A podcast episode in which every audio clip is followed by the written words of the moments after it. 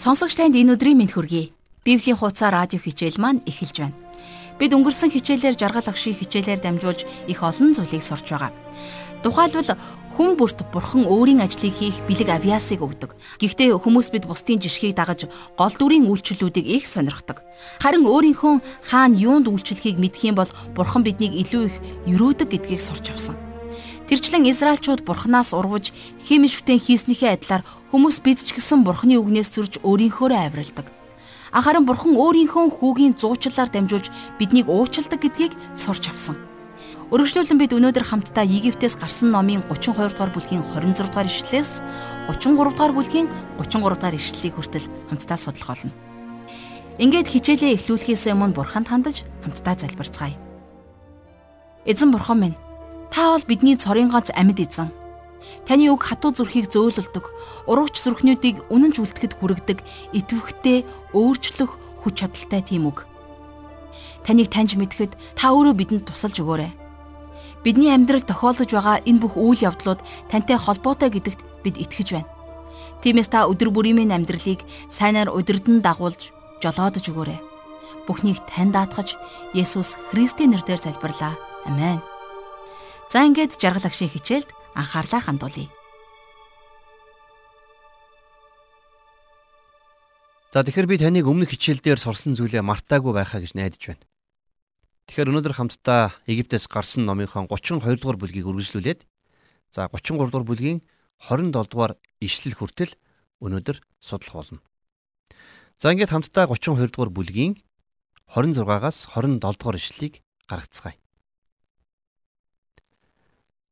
Мосе хуарангийн хаалган дээр зогсож эзний төлөө байгч хэн боловч над руу ир гэж хэлсэнд Левийн бүх хөвгүүд цугларч түүн дээр ирв.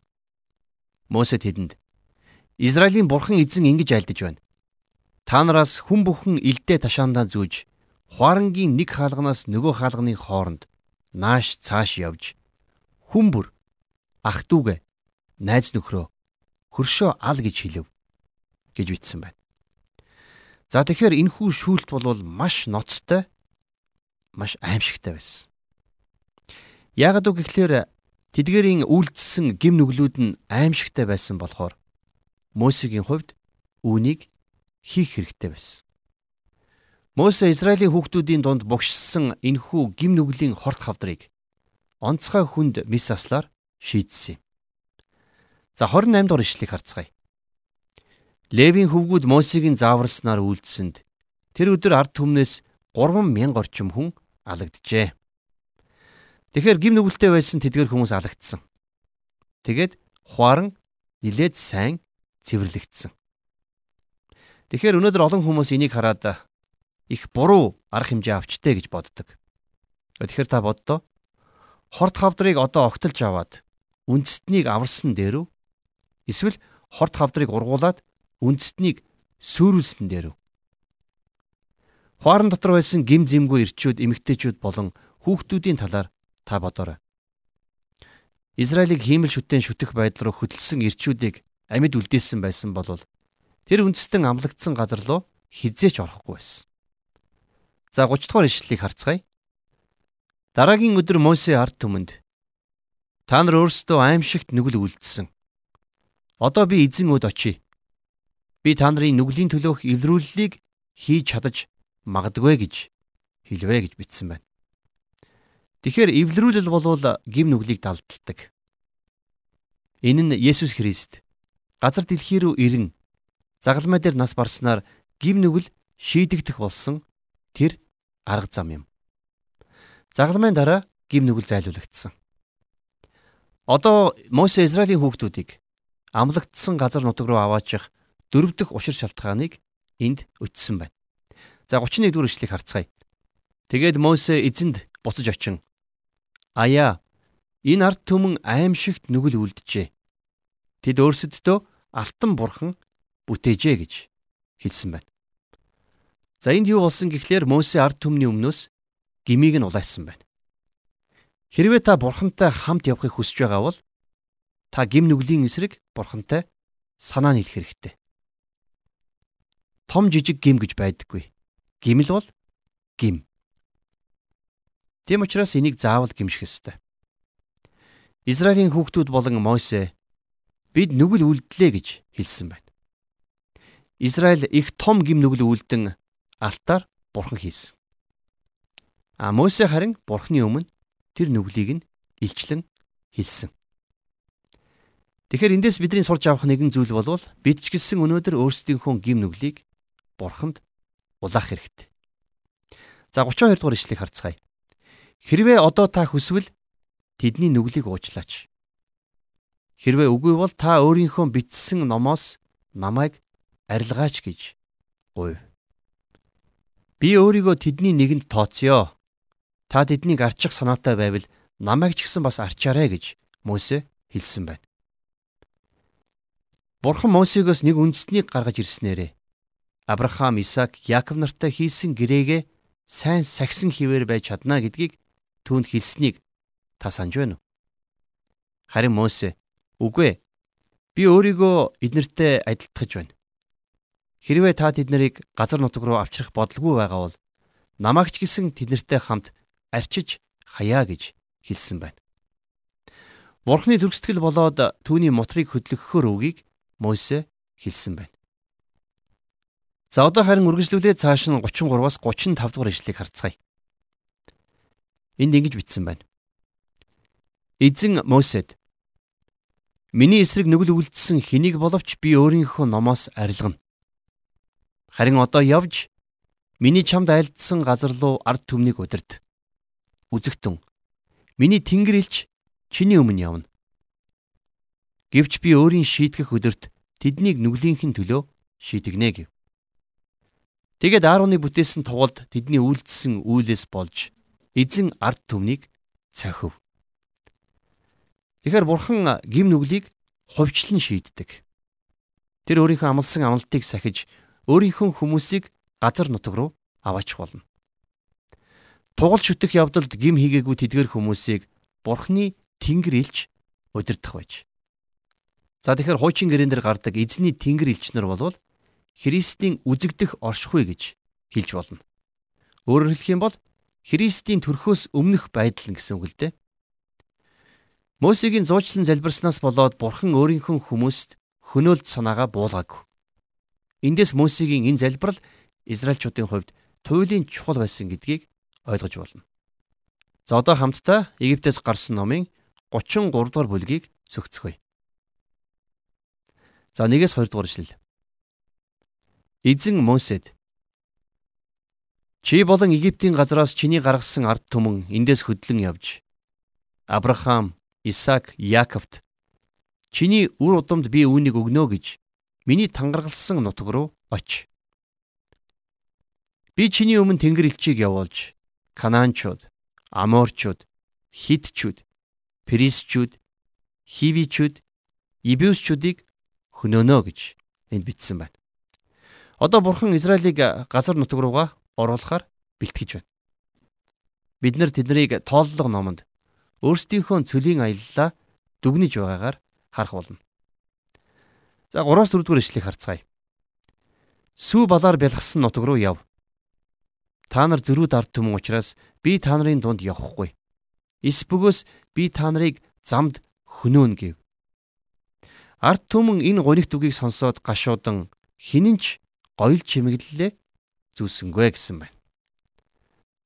За тэгэхээр бидний өмнөх хичээлээр ярилцсан тэдгэрийн эмэг гоёл зүйлтүүд нь харь үндэстнийх байсан. За эмэг болвол үүний нэг тэмдэг байсан тухайч гэсэн бас бид нар өмнөх хичээлээр ярилцсан. Тэгэхээр энэ нь тэд Египтийн бурхтад үйлчилсэн хിവэрэ байдгаа гэдгийг харуулж байна. Өнөөдөр ч гэсэн загал маань Христ итгэлийг тодорхойлдог ч гэсэн үүнтэй адилхан. За 5 дугаар ишлэгийг харцгаая. Учир нь эзэн Мосед Израилийн хүүгүүдэд та нар зөрүүд ард түмэн би та нарын дунд ганц хормын төдийд явбал та нарыг сөнөөж магадгүй. Одоо тэгэхээр та нар гоёл чимэглэлээ тайл. Би та нарыг яахыгаа шийднэ гэж хэл химэн альцсан юм а гэсэн байна. За энэ бол бурхан хөшүүн хүзүүтэй хүмүүсийг дуудсан 3 дахь тохиолдол байсан. Энэ нь бурхан өөрийн хүмүүсээ гоц гойд байсан болохоор ирээгүй гэдгийг маш тодорхой харуулдаг юм. Бурхан тэднийг худал шүтээнд биш, харин өөрийнх нь өмнө зогсохыг л хүссэн. За 6 дугаар ишлэлдэр Иймээс Израилийн хөвгүүд хорэ буулаас цааш явхдаа гоёл чимэглэлээ тайлв гэсэн байна. За харин тэд нар энэ хэсэгт дуулууртай болж Бурхны үгийн дагуу явж чадсан байна. За цааш нь харцгаая.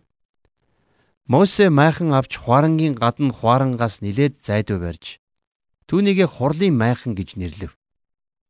Эзнийг хайсан хүн бүр хуарангийн гадна байгаа хурлын майханд очдог болвоо гэсэн байна. За тэгэхээр Мосе хүлээж авсан зааврынхаа дагуу хурлын майхан буюу асрыг хуарангийн гадна талд барьсан байна. За энэхүү асар бол хүмүүсийн бурхантай уулзах уулзалтын газар байсан. Тэгэхээр зүгээр нэгэн майхан биш байсан гэсэн үг. За цааш нь харъя 8-9 дугаар ишлэлдэр. Мосег майхан руу явах бүрд бүх ард түмэн босон хүн бүр өөрийн майхны яман зогсож Мосег майханд ортол түүний араас ширтэн хардаг байв. Мосег майханд орох бүрд үүлэн баг нь буун ирж майхны аманд тогтдог байлаа. Эзэн Мосетэй ярьдаг байв. Тэгэхээр хин нэгэн хүн хизээ нэгэн цагт бурхныг харж байсан болов гэсэн асуулт эндээс урган гардаг. За Иохны сайн мэдээний 1:18 дээр бидэнд хинч хизээч бурхныг харж байгаагүй гэж хэлсэн байна. А мөн Иохны 14-ийн 9 дугаар ишлэлдэр Есүс Христийг харсан тэдгээр хүмүүс эцгийг харсан гэсэн үг гэдгийг Есүс хэлсэн байна. Есүс Христ бол хүний бие махбодод нуугдсан Бурхны илчлэлт юм. Хуучин гэрээнд түүний нэг нэрийг эзний Тэнгэр илч гэж бичсэн байдаг. За 33 дугаар бүлгийн 11 дугаар ишлэлийг харцгаая. Ийхүү хүн анд нөхөртэйгөө ярьж байгаа мэд эзэн Мосетэй нүүр нүрээрээ тулан ярьдаг байлаа. Мосе хуарн руу буцах хүртэл түүний зарц залуу нууны хүү Йошуа майхнаас холддгүй байв. Тэгэхээр яг анд найзууд өөдөөдөөс хараад ярьдаг шиг Бурхан Мосе хоёр тэгж ярьдаг байсан. За энд дахиад л Йошуа гэдэг хүний тухай дурдсан байна. Тэр болвол Бурханы Мосег залгамжлуулахаар бэлтгэж байсан хүн. Тэр үед хин нэгэн энийг мэдсэн гэж би бодохгүй байна. Гэхдээ бид нар Йошуа номонд очиод тэр Мосег залгамжлах хүн шиг байгаагүй гэдгийг бас сурч авах болно. За цааш нь харцгаая 12-оос 13 дугаар ишлэлдэр. Дараа нь Мосе эзэнт хараач та надад энэ ард түмнийг авчир гэж айлддаг атлаа. Надтай хамт хэнийг явуулахаа та өөрөө надад мэдүүлээгүй. Түүнээс гадна та би чамайг нэрээр чинь мэднэ мөн чи миний мэлмид тааллыг олсон гэж айлдсан. Одоо тэгэхээр би тань залбирая. Хэрэг би таны мэлмид тааллыг олсон юм бол өөрийнхөө замуудыг надад мэдүүлээч. Би таныг мэдий. Ингэснээр би таны мэлмид тааллыг олох юм. Энэ үндэстэн таны ард түмэн гэдгийг ч харгалзан үзээч гэв гэсэн байна. За тэгэхээр Мосе Филиппо номонд Паулийн хийсэн яг тэр зүйлийг Бурханаас асуусан байна. Тэгэхээр Паул юу гэж хэлсэн байдаг вэ гэхлээр зэрэг би түүнийг таньж мэдмээр байна гэж хэлсэн. За мөн Иохны сайн мэдээний 14-ийн 8 дээр бидэнд эцгийг харуулаач энэ л бидэнд хангалттай гэж Есүсийн дагалдагч Филиппийн хэлсэнтэй адилхан гэсэн үг. За 14-өөс 15 дугаар ишлэгийг харъя. Тэр миний оршихуй чамтай хамт явж би чамд амралтыг өгнө гэв. Дараа нь Мосе түүнд хэрв таны оршихуй бидэнтэй хамт явахгүй бол биднийг эндээс бүү явуулаач гэсэн байна. Мосе бурхны оршихуй түүнтэй хамт байх хэрэгтэйг ойлгож тэр үнийг өөрөө хийж чадахгүй гэдгээ мэдэж байснаа энд хэлж байна. За 14 дугаар эшлэлдэр Тэгэхгүй бол би болон таны ард түмэн таны мэлмий тааллыг олсон нь юугаар мэдэгдэх вэ? Та бидэнтэй хамт явж Би болон таны ард түмэн бид газрын хөрсөн дээр буй бүх ард түмнээс ялгагдсанаар мэдэгдэх биш үү гэв. За бурхан энд нэгэн тодорхой учир шалтгааны төлөө Израильчуудыг онцгой хүмүүс болгон сонгож авсныг анхаарах хэрэгтэй. Өнөөдөр чуулган бас онцгой байх хэрэгтэй байдаг. Энэ нь бид бурхны хүмүүс байх гэсэн утгыг илэрхийлж байдаг. Энэ нь бид хачин жожиг хүмүүс байх ёстой гэсэн үг биш гэдгийг анхаарах хэрэгтэй. За 17-оос 18 дугаар ишлэлдэр Эзэн Мосед Чиний хэлсэн энэ зүйлийг би бас хийн. Учир нь чи миний мэлмид тааллыг олсон. Би чамайг нэрээр чинь мэддэгэ гэж айлдав. Тэгэхэд Мосе өөрийнхөө цог жавхланг надад үзүүлээч гэж би танд залбирая гэжээ. За одоо энд Мосе бурхантай маш ойр дотн болж байгааг харуулж байна. Гэсэн хэдий боловч Мосе үнэндээ бурхны нүрийг харж чадаагүй гэдгийг онцлох нь зүйтэй. За 19 дэх ишлээс харцгаая. Тэр би өөрөө өөрийнхөө бүх сайн сайхныг чиний өмнөр өнгөрүүлж эзний нэрийг чиний өмнө тунгаглана. Би нэгүүлсэх хүнээ нэгүүлсэж өрөвдөх хүнээ өрөвдөх болно гэв. За цааш нь 20 дугаар ишлээс харах юм бол гэвч тэр чи миний царайг харж чадахгүй. Учир нь намайг хараад амьд байж чадах хүн байхгүй гэж айлдав. Тэгэхээр та бид бурхны нүрийг харж чадахгүй гэдг нь маш үнэн байгаа юм. Бид хит их гэрлийг харахаар нүд гялавдаг шүү дээ. Тэгвэл бурхан тэр гэрлээс ч илүү хурц учраас бид бурхныг огт харж чадахгүй. За 21-с 23 дугаар ишлэлдэр Эзэн харахтун миний дэргэд нэгэн газар байна. Чи тэнд хадан дээр зогс. Миний цог жавхлан өнгөрөх үед би чамайг хадны хөндийд оруулж өөрийгөө өнгөрөх хүртлээр чамайг мутраараа халахлана. Дараа нь би мутраа авч чи миний ард талыг харна. Харин миний нүур харагдахгүй гэв гэсэн байна. За энэ хэсэгт бурхны төлөөлөгч байх алдрын тухай өгүүлэгдсэн байдаг. За эзэн Есүс өөрийнхөө хоёр дахь удаагаан ирэх тухай хэлэхдээ Тэнгэрт хүний хүүгийн тэмдэг үзэгдэнэ гэж хэлсэн. За энэ талаар шинэ гэрээ номны Матай 24-ийн 30 дугаар ишлэгийг харцгаая. Энд ингэж бичсэн байна. Тэгээд хүний хүүгийн тэмдэг тэнгэрт илэрхийлэгдэхэд газрын бүх овог гашуудан уйлж хүний хүүг тэнгэрийн үүлэн дээр сүр хүч болоод агуу цог жавхлантайгаар эрхийг харна гэж бичсэн байдаг. Христийг өөртөө хүний биеийг авахд алдар нь тэнд байгаагүй. Тэрээр нэгэн даруухан байр суурийг эзлээд өөрийн алдрыг хажуу тийш нь түр тавьсан байсан. Гэхдээ тэрээр бурхан хэврээл байсан. Тийм болохоор тэр намайг харсан хүн эцгийг минь харсан гэж хэлж чадсан юм. Бид нар үнэндээ бурхныг харж чадахгүй. Бид эзэн Есүс Христийг л харах болно.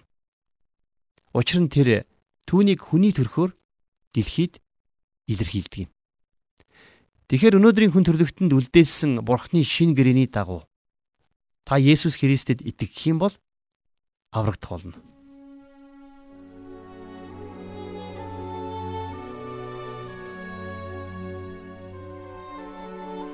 Тэгэхээр Бурхан Мосетэй тогтоосон дотн харилцаагаа тантай ч гэсэн тогтоохыг хүсэж байгаа шүү дээ.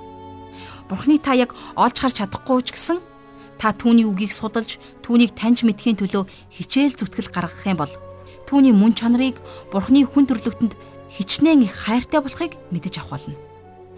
Гэхдээ Бурхан гмийг үзэж чаддгүй гэдгийг та анхаараарай. Та хүмүүсээс гин бурууга нууж болох ч гэсэн Бурхны мэлмигээс хизээч нууж чадахгүй. Ингээд хичээлээ өндөрлүүлэхээс өмнө би нэгэн зүйлийг танаас ятхан амжилан гумаар байна. Учир нь Библийн хуудасаар радио хичээл маань танд Бурхантай харилцах харилцаа, а бас Библийг мэдэх, Бурхныг таньж мэдхэд тань нэмэр нүүлэг болсон бол та бидэнтэй имэйл хаягаар хандаж бидэнд загтал бичээрэй. Ингээд харин хичээлийнхаа төгсгөлд Бурханд хандаж хамтдаа залбирцгаая. Эзэн Бурхан минь, танд баярлалаа. Та бол хайрын эзэн. Та өөрийнхөө цорын ганц хүү хүн төрлөختний төлөө модон загалмай дээр үлгэж бидэнд ямар их хайртай гэдгээ илэрхийлэн харуулсан. Таны хүү бидний их эзэн танд дуулууртай байж бидний муу мухай гим нүглийн төлөө нядлагдах гэж байгаа хонь мэд дуугүй явсан билээ. Гэхдээ тэр өвглээ самилж бурхан бол амийн эзэн гэдгийг хүн төрлөختөнд гэрчлэн харуулсан. Таны мөнх чанарт итгэж энэ дэлхийгээс явх хүртлээр итгэлээ сахиж таны хүслийг биелүүлж явахд минь та туслаарай. Би танд бүх зүйлээ өргөж Есүс Христийн нэрээр залбирлаа. Амен.